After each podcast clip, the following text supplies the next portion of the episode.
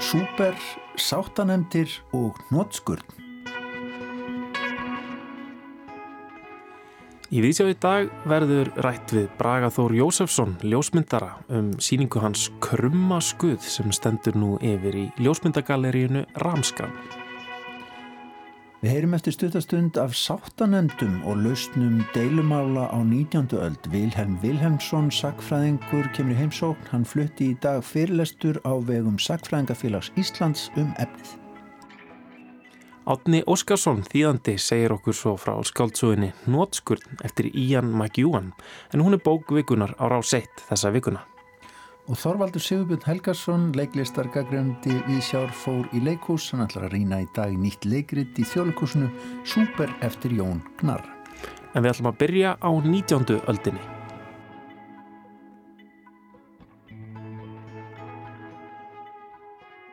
Hátis fundaröð Sagfræðingafélags Íslands heldur áfram undir yfirskriftinni Saga réttarfars og refsinga.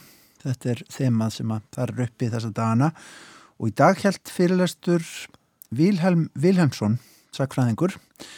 En velkomin Vilhelm. Takk þér. Þú varst þarna með yfirskriftina með kærleiks meiningar vinnmælum. Já. Þetta eru sáttanemdir og lausn deilumála á 19. öld. Já. Mér fannst þetta forvitnilegt að því að ég haf, hef bara aldrei heyrt um þetta. Sáttanemdir konús, segðu okkur aðeins svona þessa sögu. Já, þú ert ekkert einn um það að hafa ekki heyrt um þetta. Það er bara fæstir, virðist vera, sem er svolítið, kemur svolítið óvart að því það er ekkert það langt síðan þær voru lagaðar niður.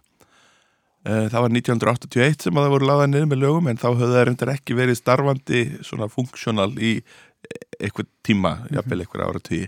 Ég var einmitt 1981 komið mjög óvart líka. Já, já, einmitt, en, en, en sem sagt að þetta, þessar sáttanemdir eru uh, og stopnaðar ástæðar í ríki Dannakonungs eða miskusti í Danmörku, Nóri og Íslandi og ég, að ég held í færiðum líka. Uh, þarna alveg í blálokk uh, átjöndu aldar og markmiði með því að stopna þessar sáttanemdir var, já það var tvenskunar, það var annars verið að létta á dómskerfinu. Það hafði verið að uh, stöðut að verða svona lengur og lengri hali af dómsmálum og þetta var mjög kostnæðasamt bæði fyrir þá sem voru að sækja réttin fyrir dómi en líka fyrir ríkið Já. og málsmeðferði fyrir dómi og bæði tímafrek og kostnæðasum og þannig að markmiði var svolítið að reyna að taka svona minniháttarmál það sem að setna kalla engaréttarmál mm -hmm. og svolítið frá dómskerfinu og í, færa það í annan farveg Uh, og hins vegar, og kannski svolítið tengt þessu, var markmiðið að auðvelda almenningi að sækja rétt sinn.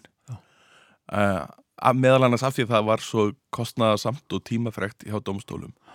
Um, og þá uh, voru þessi sáttarendi þeim var meðvitað stilt upp þannig að almenningur ætti auðveldar með að sækja rétt sinn þanga. Það var, öllum kostnaði var haldið í lámarki Uh, og svona lögfræðingum var meinað að sitja í sáttanemdum og þú máttir heldur ekki koma með lögfræðing með þér eða þú varst, fórst með mál fyrir sáttanemd heldur áttu menn að mætast þarna á jafningja grundvelli. Það er svona maður og mann. Soldið og svo var þessi nemnd hún átti það hlutverka að miðla málum á milli þessara ósáttu málsæðila og af þeim varð annar alltaf að vera úr bændastjætt þannig að það þurfti að vera sérst úr hópi alþýðu sjálfur Uh, og, svo, og yfirleitt var það, raunin hér á Íslandi var yfirleitt svo að það var sko, soknaprestur og svo eitthvað svona málsmetandi bondi, já. gerðnan eitthvað sem hafi verið eða var jafnvel sama tíma repstjóri. Svona höfðingi, já. Já, já. Svona, svona betri bondi sko, já, en, en, en þó samt sko úr bændast þetta ekki ennbættismæður. Já.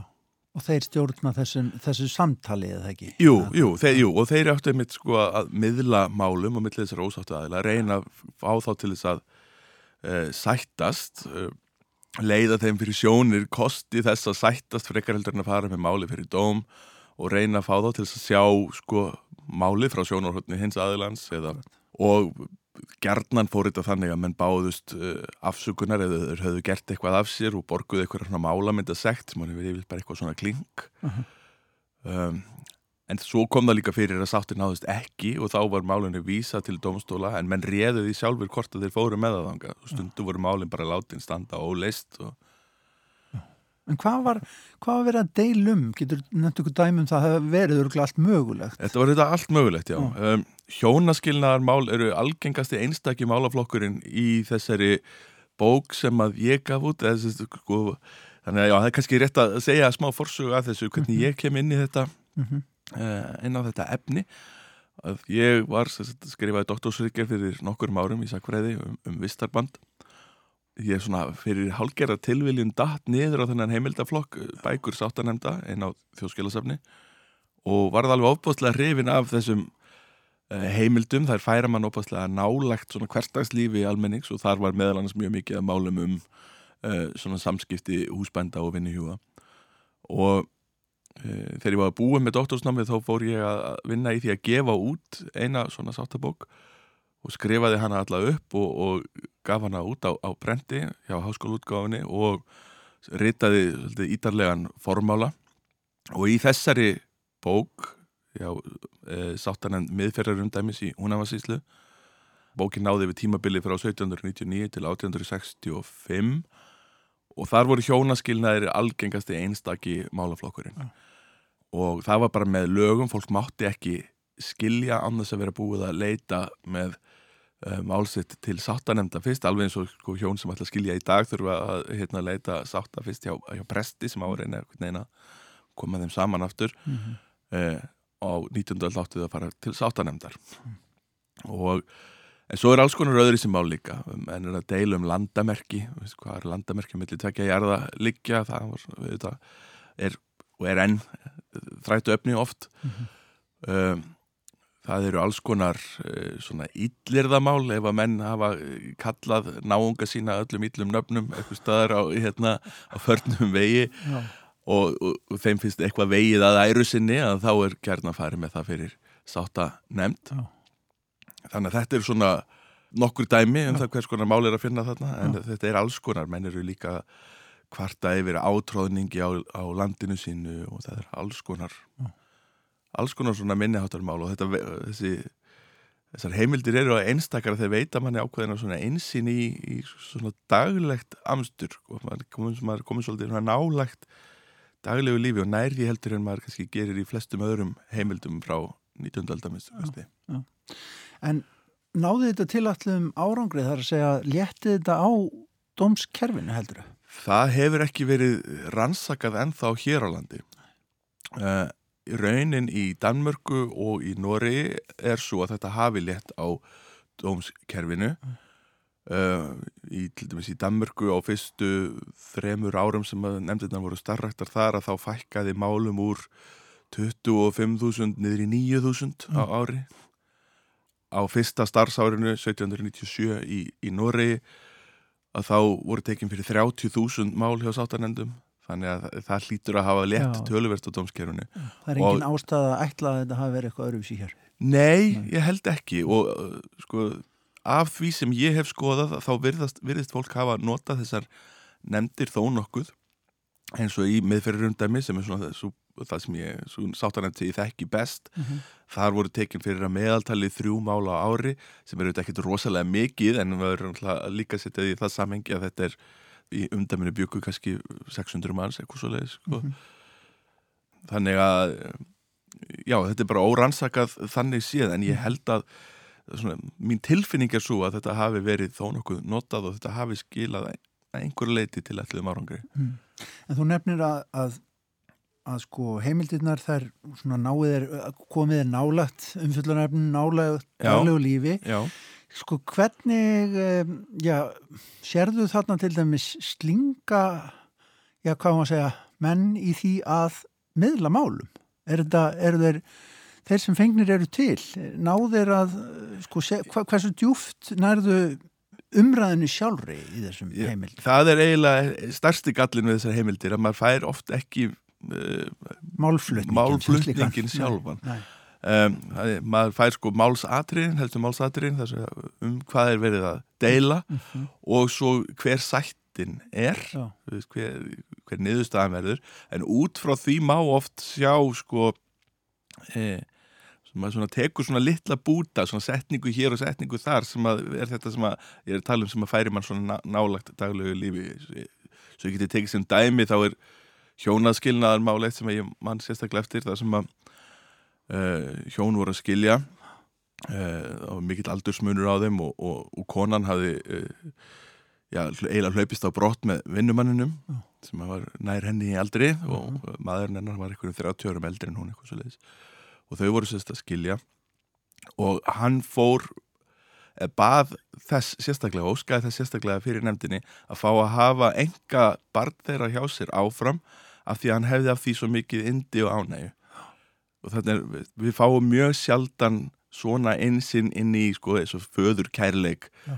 uh, í heimildum frá fyrirluta 19. aldar, það er bara frekar sjálfgeft Já. uh, það er alls konar svona Já. atriði sem maður græðir rosalega á í þessum bókum en þú spyrðum slinga svona sáttamiðlara Já. uh, já, maður getur alveg séð ákveðið svona trend sko, hverjir ná meiri árangri en aðrir Já. Sumir hérna eru ná einhvern veginn alltaf að koma málum í sátt á meðan að það er algengara hjá öðrum að, að málum sé vísa frá og vísa til dóms Já.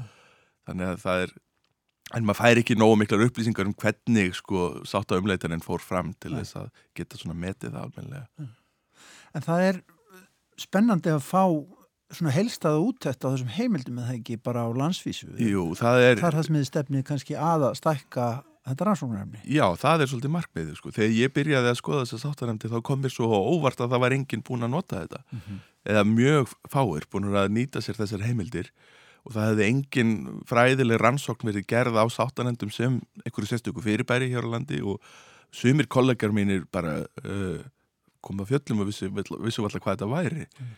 Og, það, og það var eina ástæðan fyrir því ég fór í það að gefa út þessa bók. Og svo síðan þá hef ég verið að vinna í því að koma á fót verkefni. Ég er fórstuðum að rannsóknarsetturs Háskóla Íslands á Norðurlandi vestra og við fengum nýverið styrk til þess að hefja verkefni um gerð gagnagrunns sáttabóka og ég er búin að ráða starfsmann til þess að eh, vinna að því og, og það snýr að því að, að kortleggja allar sáttabækur á landinu, það eru svolítið dreifðar, sumar eru á þjóðskjólasöfni, aðrar eru á héraskjólasöfnum viðsveður um landið. Og annars vegar að kortleggja sko hvað þeir eru margar og hvað þeir eru niðurkomnar og svo leiðis og hins vegar að, fá leifi til þess að, að mynda þær og setja þær á, á vefin og efnis skrá þær þannig að það sé að leita í, í þeim uh, í þessum gagnagurinni eftir eh, nöfnum einstaklinga, eftir at, atriðisorðum eh, eftir eh, bæjarheitum og svo framvegis. Og það er svona mín vona það þegar að þetta verður komið á koppin eftir einhver ára þá uh, eigi fræðimenn eftir að nýta sér þetta miklu meira til rannsókna heldur en þeir hafa gert hingað til. Takk fyrir að segja frá þessu í Víðsjá og takk fyrir komuna. Já, takk fyrir mig. Vilhelm Vilhelmsson.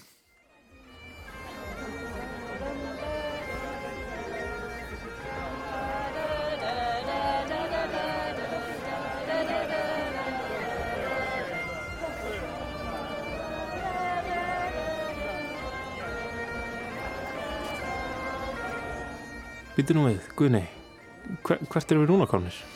Já, nú erum við komin í stærstu fjöldamótmæli eiginlega bara sem hafa farið fram á síðar tímum í Breitlandi. Þetta er hljóðtöka sem var gerð á dögunum þegar að rísastór mótmæli fóru fram í miðborg Lunduna og þarna er verið að byggja um nýja atkvæðagreyslu. Við höfum ekki farið, það hefur ekki farið fram hjá okkur að það er eitthvað að í Breitaveldi þessa dana.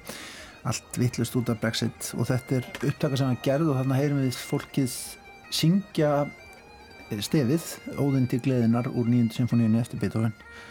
Og það er spilað undir á skoska sekjabípu Einmitt. þetta eru upptökur sem voru gerðar á, og hérna þeim dreift á, á eh, vefsíðu sem heitir citiesandmemory.com og er svona hljóð upptöku síða sem er sapnað upptökum við aður heiminum. Já, og þetta er glæni upptaka semst þarna frá því um daginn skulum heyra annað brot já, einmitt.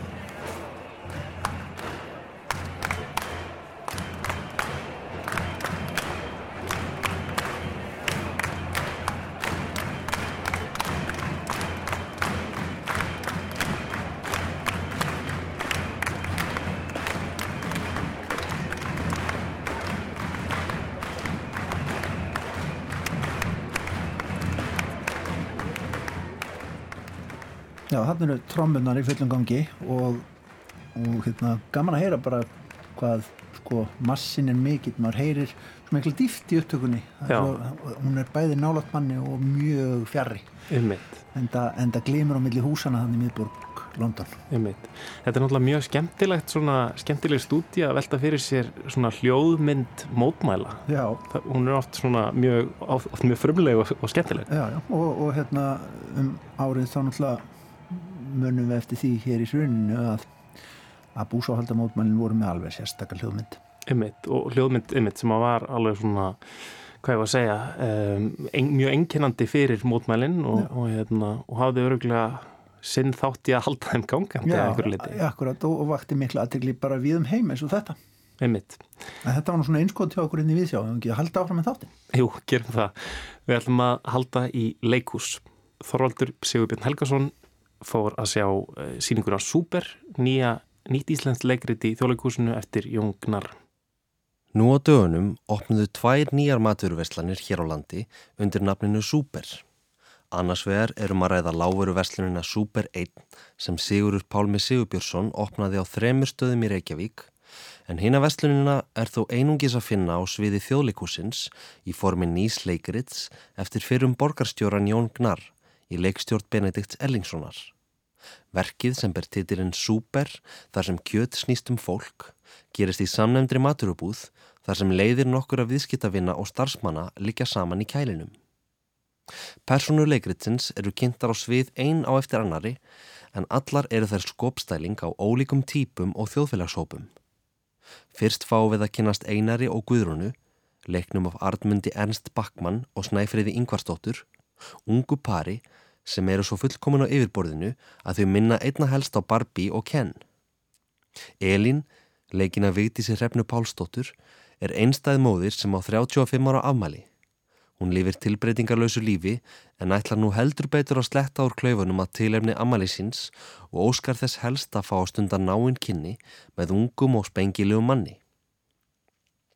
Agnieszka, lekin af Solveig og Arnarsdóttur, er pólskur viðskiptafræðingur sem hefur ekki náða að nýta mentun sína til fulls og vinnur nú við að kynna vörur í vesluninni.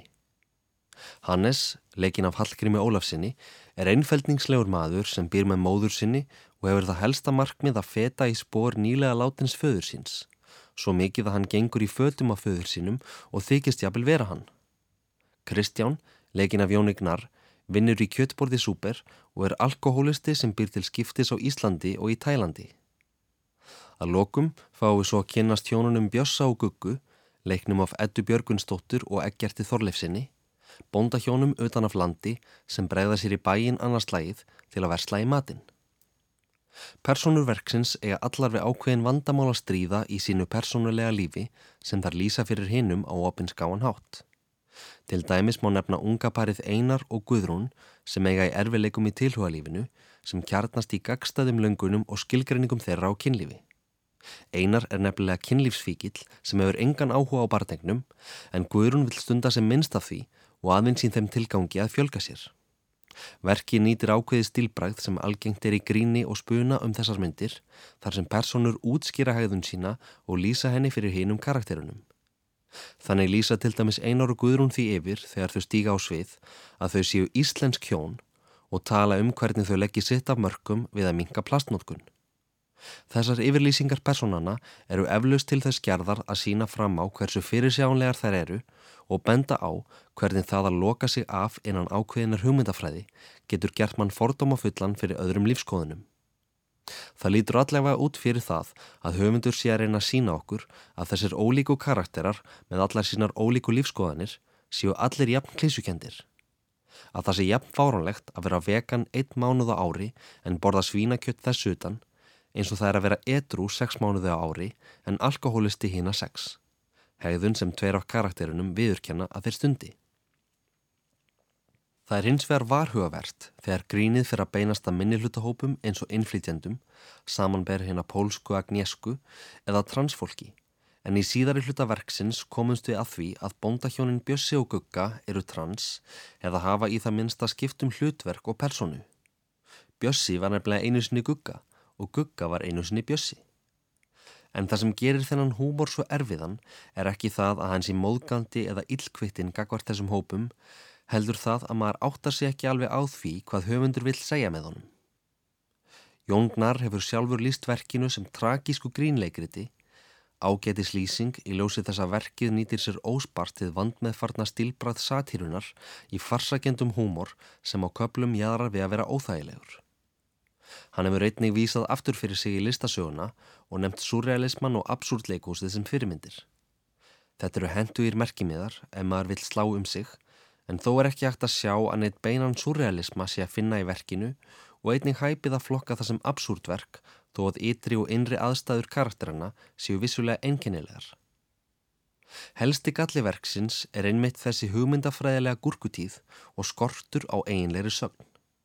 Skottsbótin virðist vera íslensk þjóðremba. Karakterarnir tónlast í sífællu á því hvað það sé indislegt að búa á Íslandi og hvað íslenskar afurðir séu yfirburða góðar. Þau dásama íslenska svínakjötið en átt að sé ekki á íróníu þess að svínin séu aðlinn á innfluttu fóðri og þeim sé slátarað af erlendu vinnuafli. Sömu pólverjum og þau lýsa því yfir að geti aldrei orðið sannir Íslendingar. Þetta eru þó engar nýjar fréttir. Íslensk þjóðremba sprettur nú upp í hverju hortni eins og ílgresi og við þurfum ekki einhverja halfbakaða ádeilu til að benda á fárónleika hennar. Við þurfum ekki nema að opna Facebook eða rölda niður á Östurvöll þá hefði Jón Gnarr og Benedikt Erlingsson svo sannarlega ekki þurft að setja upp tveggja tíma langt leikrit til að koma þessum skilabóðum áleiðis. Þeir fóstbræður hefðu allt eins geta gert það í hnitmiðum tveggja mínútna skets. Það er margt vel gert í uppsetningunni á Súper, útlit og umgerð síningarinn er famanlega unnin. Leikmynd Gretars Reynissonar nýtur sín til dæmis vel. Kjötkælirinn sem trónir á meðjusviði eins og ponta eða upphækkað svið virkar sem eins konar tákmynd fyrir verkið. Búningar Filipíu í Elísdóttur ná að samaskapi að lífga upp á hildarmyndina og draga fram personu enginni hvers karakters fyrir sig. Þá skila leikararnir flestir sínum hlutverkum vel. Artmundur Ernst og Snæfríður Ingvarsdóttir eru sérlega fyndin sem umhverjusvænu plastúkurnar Einar og Guðrún sem á Hallgrimur Ólafsson í hlutverki mömmustráksins Hannesar. Sýningin sleppur þó aldrei undan frum heimildinni handriti Jóns Gnars sem í þessu tilviki er einfallega ekki alveg nógu gott. Sagði Þorvaldur Sigurbjörn Helgason leiklistar gaggrínandi viðsjár um nýttleikrit í þjóðleikúsinu Súper eftir Jón Gnar. Já, en við ætlum að huga að bókmyndum og náttúrulega tiltekið bókvíkunar á ráseitt þessa vikuna. Það er skáltsagan Nótskurn eftir ennska reytöfundin Ian McEwan. Sögumæður Nótskurnar er óvinnlegur nokkuð, barn í móðukviði, tæplega nýju mánuða gamalt. Það er heimsbyggingur og útvarslustandi og hlustar á móður sína og föðurbróður leggja á ráðin um morð á föður barnsins.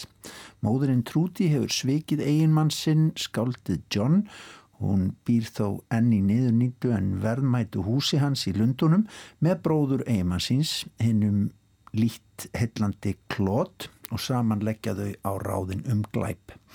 Já, þetta er ofunleg skáltsaga en fyrirmyndin að sögninni má segja að sé Hamlet eftir sjálfan William Shakespeare. Þýðandi bókarinnar á íslensku er Árni Óskarsson og við fengum hann til þess að segja aðeins fyrir bókinni og lesa upp úr henni. Eh, já, Ian McEwan hann er einn af, já hann er bara einn af eh, frægustu núlefandi höfundum breyta hefur verið að skrifa í marga áratvíu og all margar bækur hans hafa verið, verið þýttar á íslensku. Það voru fyrst var það eina Már Guðmundsson sem þýtti Steinstepugarðin og Vinarþel Ókunnura eins og þar héttu í hans þýðingu. Og uh, svo komu fleiri bækur það voru þarna Barnið og tíminn. Barnið og tíminn sem ég þýtti á hún er þarna frá svona setni hlutan nýjunda áratúarins mm og svo náttúrulega var þann mjög frægur þannig fyrir bókina Atonement. Sem var síðan fræg kvikmynd. Sem var fræg kvikmynd. Og nú hann fekk búkaverlun fyrir bókina Amsterdam sem að líka hefur verið þýtt á íslensku. Hann er líka svona mikið að tjá sig um málefni líðandi stundar svona í fjölmiðlum og og svona gegnum tíðina. Og hann er til dæmis mikill anstæðingur Brexit og hefur tjáð sér mikið um, um það. Og svona, hann er svona tilheyrið þessum hópi sko rítuhunda sem komur fram þarna í kringum svona upp úr 1980 hérna Salman Rushdie og eh, Martin Amis. Hann hefur nú svona greinlega sett sér það svolítið að skrifa svolítið ólíkar bækur eða fjalla um mjög ólík efni og, og hérna og, eh, og líka mm, svona ólíkar bókundategundur eiginlega sko. Um, hérna hann hefur skrifað svona hálgerða reyfara og, og svona eh, science fiction. Hann er náttúrulega geysilega fær höfundur og, og hérna hefur svona þessi bröð skáldsögunar mjög vel á valdi sínu. Mm. Og það sést ekki síst í þessari bók. Og þessi bók, Nótskurð hún, hún hefur svolítið sérstakann sérstakka sögumannsrödd. Getur þú sagt okkur aðeins frá þessari bók? Hva, hvað er hann að skrifa um þannig? Já, uh, það er nefnilega sögumannsröddið að því að sá sem segir söguna er, er ófætt batn í móðukviði og, og hérna og sem að náttúrulega gerir hana mjög sérstaka en og batnið sko þessi rödd er, er þetta er mjög svona mælskur sögumadur og, og hérna velmáli farinn og, og glöggur. En oft kæft fór og, og kæft fór, já og er alltaf að svolítið að krifja þennan þetta umhverju, þennan heim sem hann er að fara að fæðast í.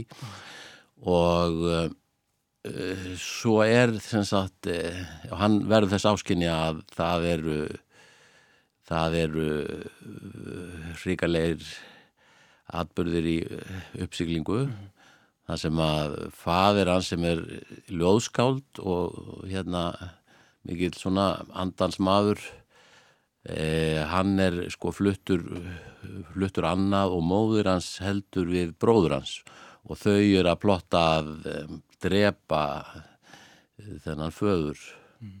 þetta er náttúrulega fengið úr frá Shakespeare eh, hérna og það, þau, það er svona þau heita svipum nöfnum og foreldrar Hamlets Já. og hérna og uh, en það er náttúrulega sko sagt, þetta morð á föðurnum það er í, hjá, hjá Shakespeare er það, sagt, það er afstæðið þegar leikriti hefst en, mm.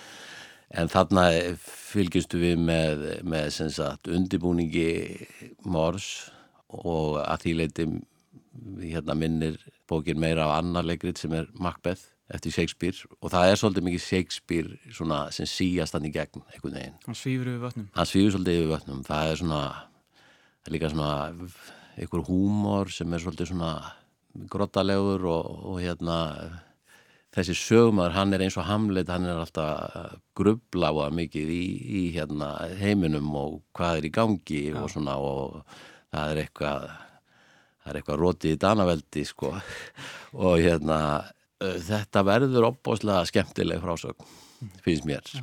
personar eru þær eru svolítið sko, komískar, þetta er svolítið svona komedíu personur sko, þær eru svolítið einfaldar og, og svona dregnar frekar svona einföldum dráttum sko. Kanski svolítið kjánalegar Kjánalegur, já, já, hann er náttúrulega sko, bróð, föðubróðurinn er náttúrulega eins og honum er líst sem sem trefgáðum durgi Já.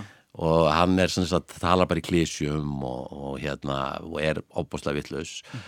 Og hérna en, en eh, hérna mjög eh, öflugur í rúminu. Já. En þannig eru þannig er mikið ráðabrugg og svik og morð og, og svona, þetta er ekki beint heimur sem að börn, ef þau hefðu valkost myndu vilja fæðast inn í. Þetta er að, í einhverjum skilningi glæparsaga en, en þarna er verið að taka miklu dýpur í hlutum og það hefur hef verið talað um Kafka og, og svona fleiri áhrif. Já, það er alls konar pælingar sko, svona um bara e, samtíman og, og, og slíkt. Og svo er það náttúrulega sko Það, það að drepa skáld, það er hérna, það er eitt að drepa einhvern, að drepa skáld, það er svona, þá fær þetta allt aðra vít. Og það er doldið náttúrulega fjallað um skáldskapin mm. og uh, hérna, þú veist, skáldi náttúrulega, pappin er líka svolítið komisk persóna þannig, en mjög sympatísk sko. Mm hann bara lifir fyrir, fyrir skálskapin og, og fattar ekkert eh, og svona er svolítið svona grunnlausum þetta vonda sem er allt þarna í kringum hann. Mm -hmm. Það er svolítið mikið umhugað bara um eh, sína eigin velgengni sko, á, á skálskapnum Já, eða kannski velgengni skálskaparins já, já, því að hann er að, þú veist að alltaf var einn að koma skálskapnum á framfæri og gefa út eh, stiðja ung ljóðskáld og gefa út eitthvað ljóða tímaritt og svona og og hérna það er bara það aðeins í heiminum, það er ekkert sko, sem að slær það út. Svo hér er ég á haus inn í konu þólimóður með krosslaða handleiki og býð og býð og velti fyrir mér inn í hverju ég er hverju ég megi eiga vona á. Augum mín lokast af eftirsjá þegar ég rifi upp hvernig ég barst áður um ég hálf gegnsæjum líkanspoka sveif sem í draumi í hugsanablöðru minni um enga haf, í hægum kollnísum og rakst mjúglega á gegnsæ mörg þess sem umlykti mig, opinskáa himnuna sem títraði af röttum svikulla samsærismanna en deyfði þær um leið. Þá var ég ungur og áhyggjuleus. Nú, þegar ég er alveg komin á kvolv, hef ekki þumlung svegurum, nén þrýstast upp að maganum og höfuð komið í réttar skorður eru hugsanir mínar á flegi ferð. Ég á einskis annars úrkosta. Eirað á mér þrýstist daga á nætur upp að blóðfylltum veggjónum. Ég hlusta, hugsa með sjálfum mér og hef áhyggjur. Ég heyri hljóðskraf um háskali áform og óttast það sem býður mín, það sem ég kann að dragast inn í.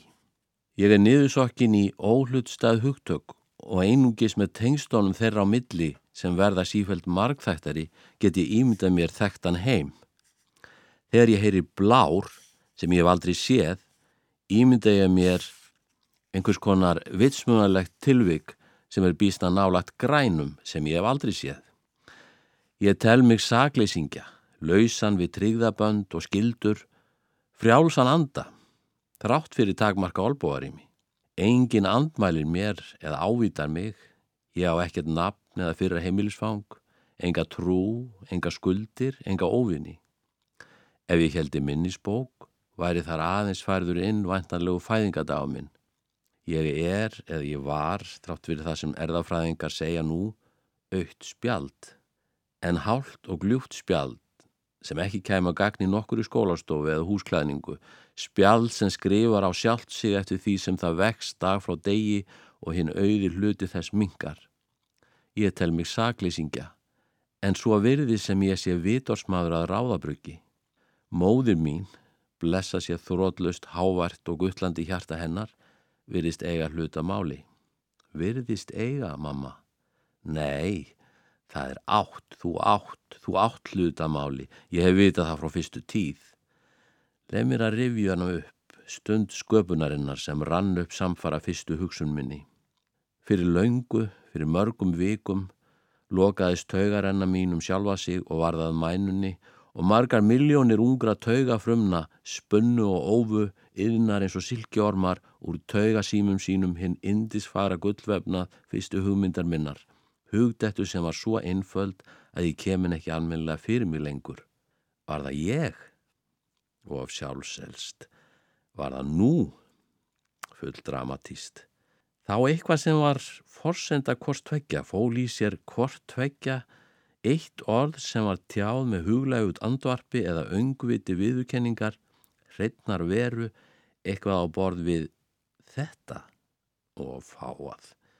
Hugmynd mín, þetta er alveg að koma, var því að vera, eða ef ekki það, þá málfræðilegt tilbriði þess er.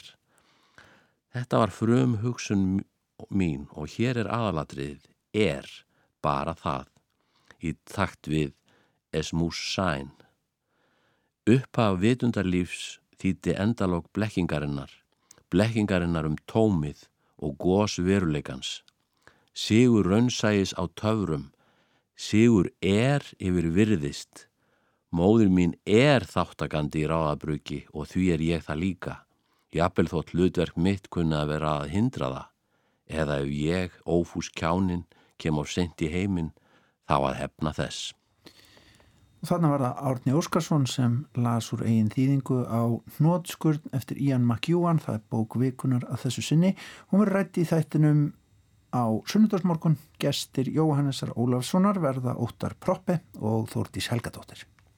Áhugaverð bók. En við ætlum að halda niður í miðbæ Reykjavíkur í lítið ljósmyndagalleri á Njálskötu, galleri sem nefnist Ramskram. Þar opnaði á dögunum ný síning Braga Þórs Jósefssonar ljósmyndara, síning sem nefnist Krummaskuð.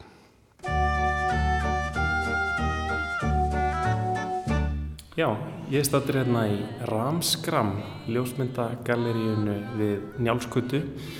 Hjá mér er Bræði Þór Jósefsson sem var að opna litla síningu sem nefnist Krummaskuð eða Smallwill. Bræði, hvaða, hvaða síning er þetta?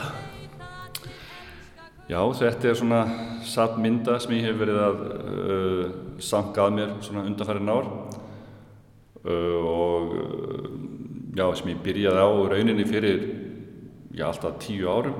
Fyrsta myndin hérna er, er tekin fyrir tíu árum síðan og ég hef verið svona sankað mér svona hægt og rólega síðan. Ég upphaflega byrjaði, byrjaði nú á þessu bara að ég var með einhvern fjölskylduferð og var eitthvað bara sem ég sáð á þessum, á, í þessum þorpum og hérna var kannski að keira með fjölskylduna og, og sá eitthvað og steg út og smelta veitni mynd og held svo bara áfram. Og já þannig svona byrjaði þetta. Og þegar ég var komin með svona nokkra slíkar myndir sem að mér fannst svona eitthvað að segja eitthvað að segja um staðina gefa einhvers konar fagufræði eða, eða, eða andan á stöðunum og þá sá ég að þetta gæti kannski væri svona grundvöldur fyrir eitthvað, eitthvað meira og þá fór ég svona að fara sérstakar ferðir á staðina til að mynda í þetta til þetta verkefni. Þú nefnir síninguna Krummaskuð um, og sko myndirnar sína ofta á tíðum Já, eru, það, eru, það eru nánast allar mannlausar. Þetta eru mannlaus þorp en, en með svona mikilfenglega náttúru í kringum sig. Um, já, er, er landsbyðin okkar bara eintóm mannlaus krummaskuð eða hvað? Nei, getum ekki sagt það. En vissulega eitt af því sem að slæri mann þegar maður kemur á svona staði, það er að þetta virðist, staðinni virðast ofti fyrstu sín vera mannlausir. Það er mjög fáir á ferli og rauninni og, og maður sér valla hreyfingu. Og það var eitt af því sem ég vildi líka ná fram. En síðan ég hef að vísu þó að það sé ekki á þessari síningu þá hef ég líka alltaf tekið nokkra portrætta með svona á hverjum stað. Bara fólk sem ég hef reykist á fólk að lappa eða fólk við húsi sín eða krakkar að leika sér eitthvað slíkt. Ég hef myndað það, það líka en, en það var einfallega ekki pláss fyrir þær myndir á þessari sínu. Á þessum áratug hafa tæplega 7000 fleiri flust til höfuborgarsvæðisins en frá því. Byggðastofnun hefur að undanförnu unnið að sérstöku verkefni þar sem lagt er mat á þessa þróun. Að mati stofnunarinnar getur áframhaldandi þróun af þessu tægi leitt til vannýtingar mannvirkja og auðlinda á landsbyðinni, erfiðleika í rekstri sjáarútvegs og jafnvel keðjuverkandi samdráttar sem að lokum gæti leitt til svið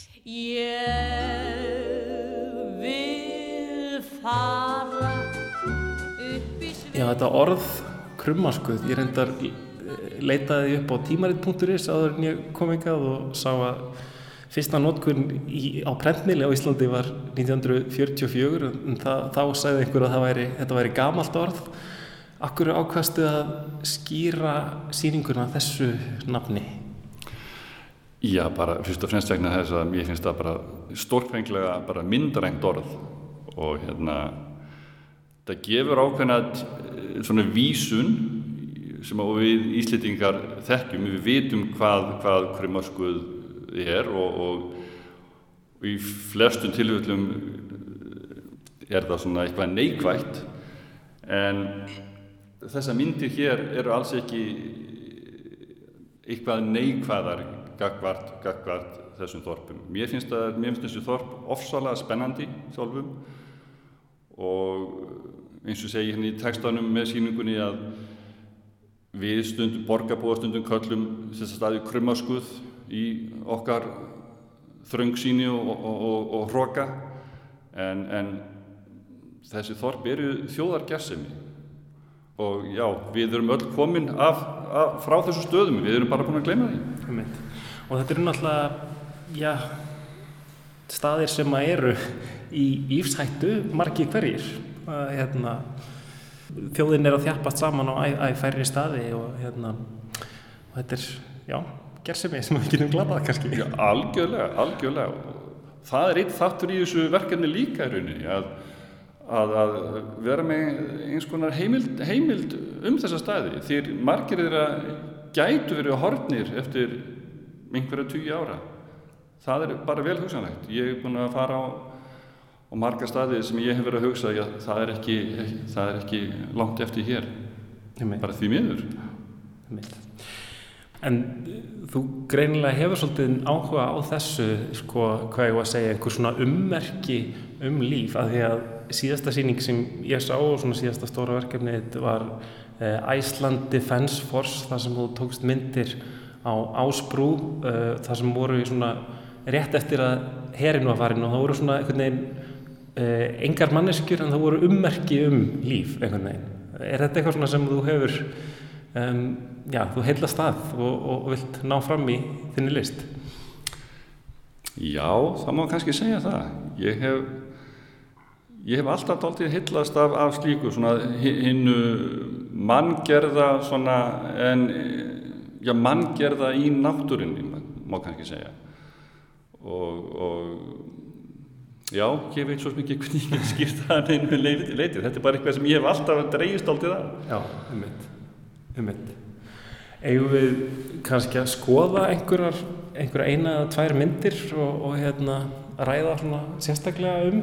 Já, um, já við getum kannski byrjað hérna á einu vegnum hérna, það sem er tvær myndir frá, frá vestfjörðum já. og einn frá, frá uh, Grundafjörði, Snæfellsnesi. Þetta er dálítið svona, já, sem að náttúrann svona er að, eins og hún sé að hrinja yfir þorpin. Oft finnst manni þetta stundum ver, vera þannig. Það er svona mikið fengleg fjöll sem að gnæfa yfir og, og, og, hérna, og sem að gefa þeim ónýttilega uh, þessum stöðum mikinn svip. Hérna, eins og þessi mynd hérna frá Bólengavík sem að, að svona byggja, byggja svart fjall sem að gnæfir yfir blokk á staðinum þarna er hann mynd frá Flateri og við sekjum nú öll söguna því hvernig fjöllin hafa hafa ver, verið þar. Mm -hmm. En það er sól á þessum þessum myndum þannig að það er svona, það er líka bjart yfir þeim og það er mikil, maður er svona já, það er sumar og, og fegur líka í þessu, á sama tíma Já, já, það má kannski segja það. Það er svo sem helgast náttúrulega bara því að ég var var hann um sumar á, þessu, á þessum stöðum. -hmm.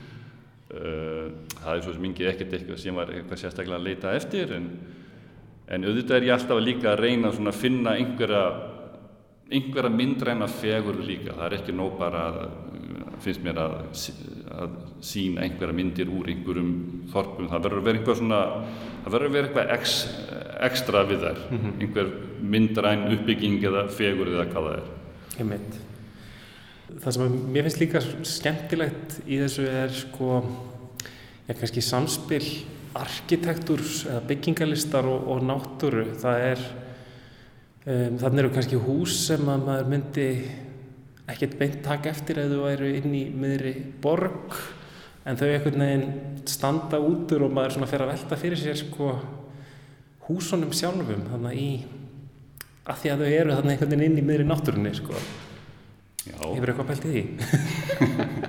Já, ég sko kannski ekki svona uh, vitandi en óavitandi er þetta eitthvað sem að auðvitað maður sér og tekur eftir. Það eru þessi oft þessi hús sem eru sérstaklega náttúrulega í gömlu hverfanum í þessum, í þessum sem voru byggð kannski fyrir 50-70 árum eða svo.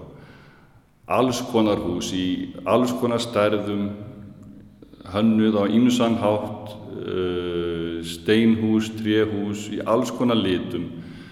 Þetta finnst mér bara mjög myndrænt og skemmtilegt. Og við tökum til minnst dæmi þarna mynd sem að raunin er einmitt elsta myndir hérna á síningunni og rauninni má segja að sé kveikjan að þessu öllu saman. Það mynd hana frá Blöndósi sem ég tók í gamla bænum þar fyrir tíu árum síðan. Það er eitthvað þarna við þetta sambland af þessum línum í húsunum í litunum. Það var eitthvað sem var til þess að ég ég steg út úr bílnum og, og smelti af hérna einni eða tímur myndum og, og, og steg svo bara aftur inn í bílinn og hjælt áfram förminni en, en svo þegar ég fór að skoða þetta setna meira þá það var eitthvað sem er kviknaði hjá mér eitthvað í hugskotunu þegar ég horfði á þessa mynd. Og að, að þetta gæti gefið einhverja svona möguleika. Þetta væri, mér fannst þetta skemmtilegt og spennandi svona myndfræðilega. Og, og var jáfnframt svona að mér fannst þetta að vera að segja einhverja sögu þetta er að segja einhverja sögu um þessi þorp og þau raunin um bara okkur íslitinga líka því að við erum öll komin frá þessum stöðum við erum bara búin að gleyma því um, Hérna á síningunni eru 14 ljósmyndir um, er þetta já, þetta verkefni býður upp á að verða mun stærra eða ekki? Jú, jú, jú, jú. þetta er ekki nema smá brota því sem að hérna bæði sem ég hef tekið fram að þessu og, og ég har margir staðir sem ég á eftir að, eftir að mynda. Þetta var bara svona, ég vildi svona bera þetta bara undir fólk hvernig, og svona aðtöða hvort ég væri árið rétt, réttri leið með því að setja þetta upp hér. En þetta er alls ekki búið og vonandi verður þetta eitthvað áfram en, e, e, eða verður eitthvað framhald á þessu. Það er náttúrulega bara eftir að koma í ljós. Ég meit. Jú, kannski að skoða eina, eina eða tværju viðbútt. Ég verður að hugsa hvort við ættum að nefna eina af þeim sem að sína svona kannski örlítið hérna, hvað ég var að segja, hérna örlítið mannlíf, til dæmis þessi hér, þar sem að er tekin ljósmynd inn um glugga á stað sem að ég geti ímynda mér að væri eitthvað svona hjúgrunarheimili eða svo leiðis og, og það er kveikt á sjónvarskjá og það eru fréttir ríkisútansins í, í sjónvarpinu og, og Sigriður Hagalín að segja fréttir. En það er engin að horfa. Hva, hvaða mynd er þetta? þetta er mynd sem er, jú þetta er ellheimili í, í, í Stikkisólmi sem ég tók fyrir nokkur árum því ég var þar sjálfur á hérna í sumabústaði Stikkisólmi og tók svona smá gungu fyrir um bæinn í leginu til að taka myndir og þetta, þetta er alveg svona dæmíkjart finnst mér sem að getur, sem að getur svona reykist á, á þessum stöðum. Það er mitt, það er innum klukkan og það á að vera eitthvað í gangi því að sjónvarpið er en það í raunin er ekki neitt því að það er, salurinn er algjörlega mannlaus. Bræður Jósefsson Krummaskuð stendur yfir hérna í Ramskram til 14. apríl Takk kærlega fyrir að sína okkur þessi krummaskuð Takk sem er leiðis Heim og til þín heimi varfa Hvar ég á mig fyrstu spór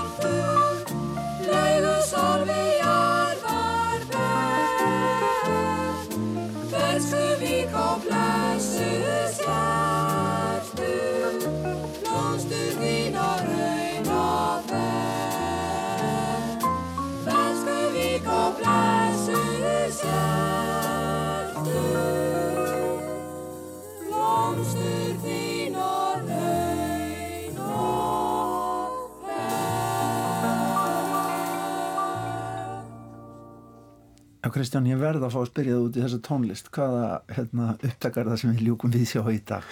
Já, þetta er auðvitað gullmóli úr safni Ríkisútvarsins. Þetta er lag sem heitir Bernsku vík eftir Kristinn Reyr. Þetta er hljómsveit Haugs Mortens um, og hvenna kvartett sem syngur þetta. Þetta er úr útastætti félags íslenskra dægulagahöfunda frá því janúar 1968 og þær sem syngja heita Hjördís Bergsdóttir, Norma E. Samuelsdóttir, Sigrún Ólafsdóttir og Fríða Bergsdóttir. Já, alveg ekta 60s tíðarandi í þessu. En núna ætlum við að ljúka við sjá í dag ágættu hlustendur. Við erum búin að fara við það. Já, við verum hérna aftur á sama tíma á morgun. Verið sæl. Við sæl.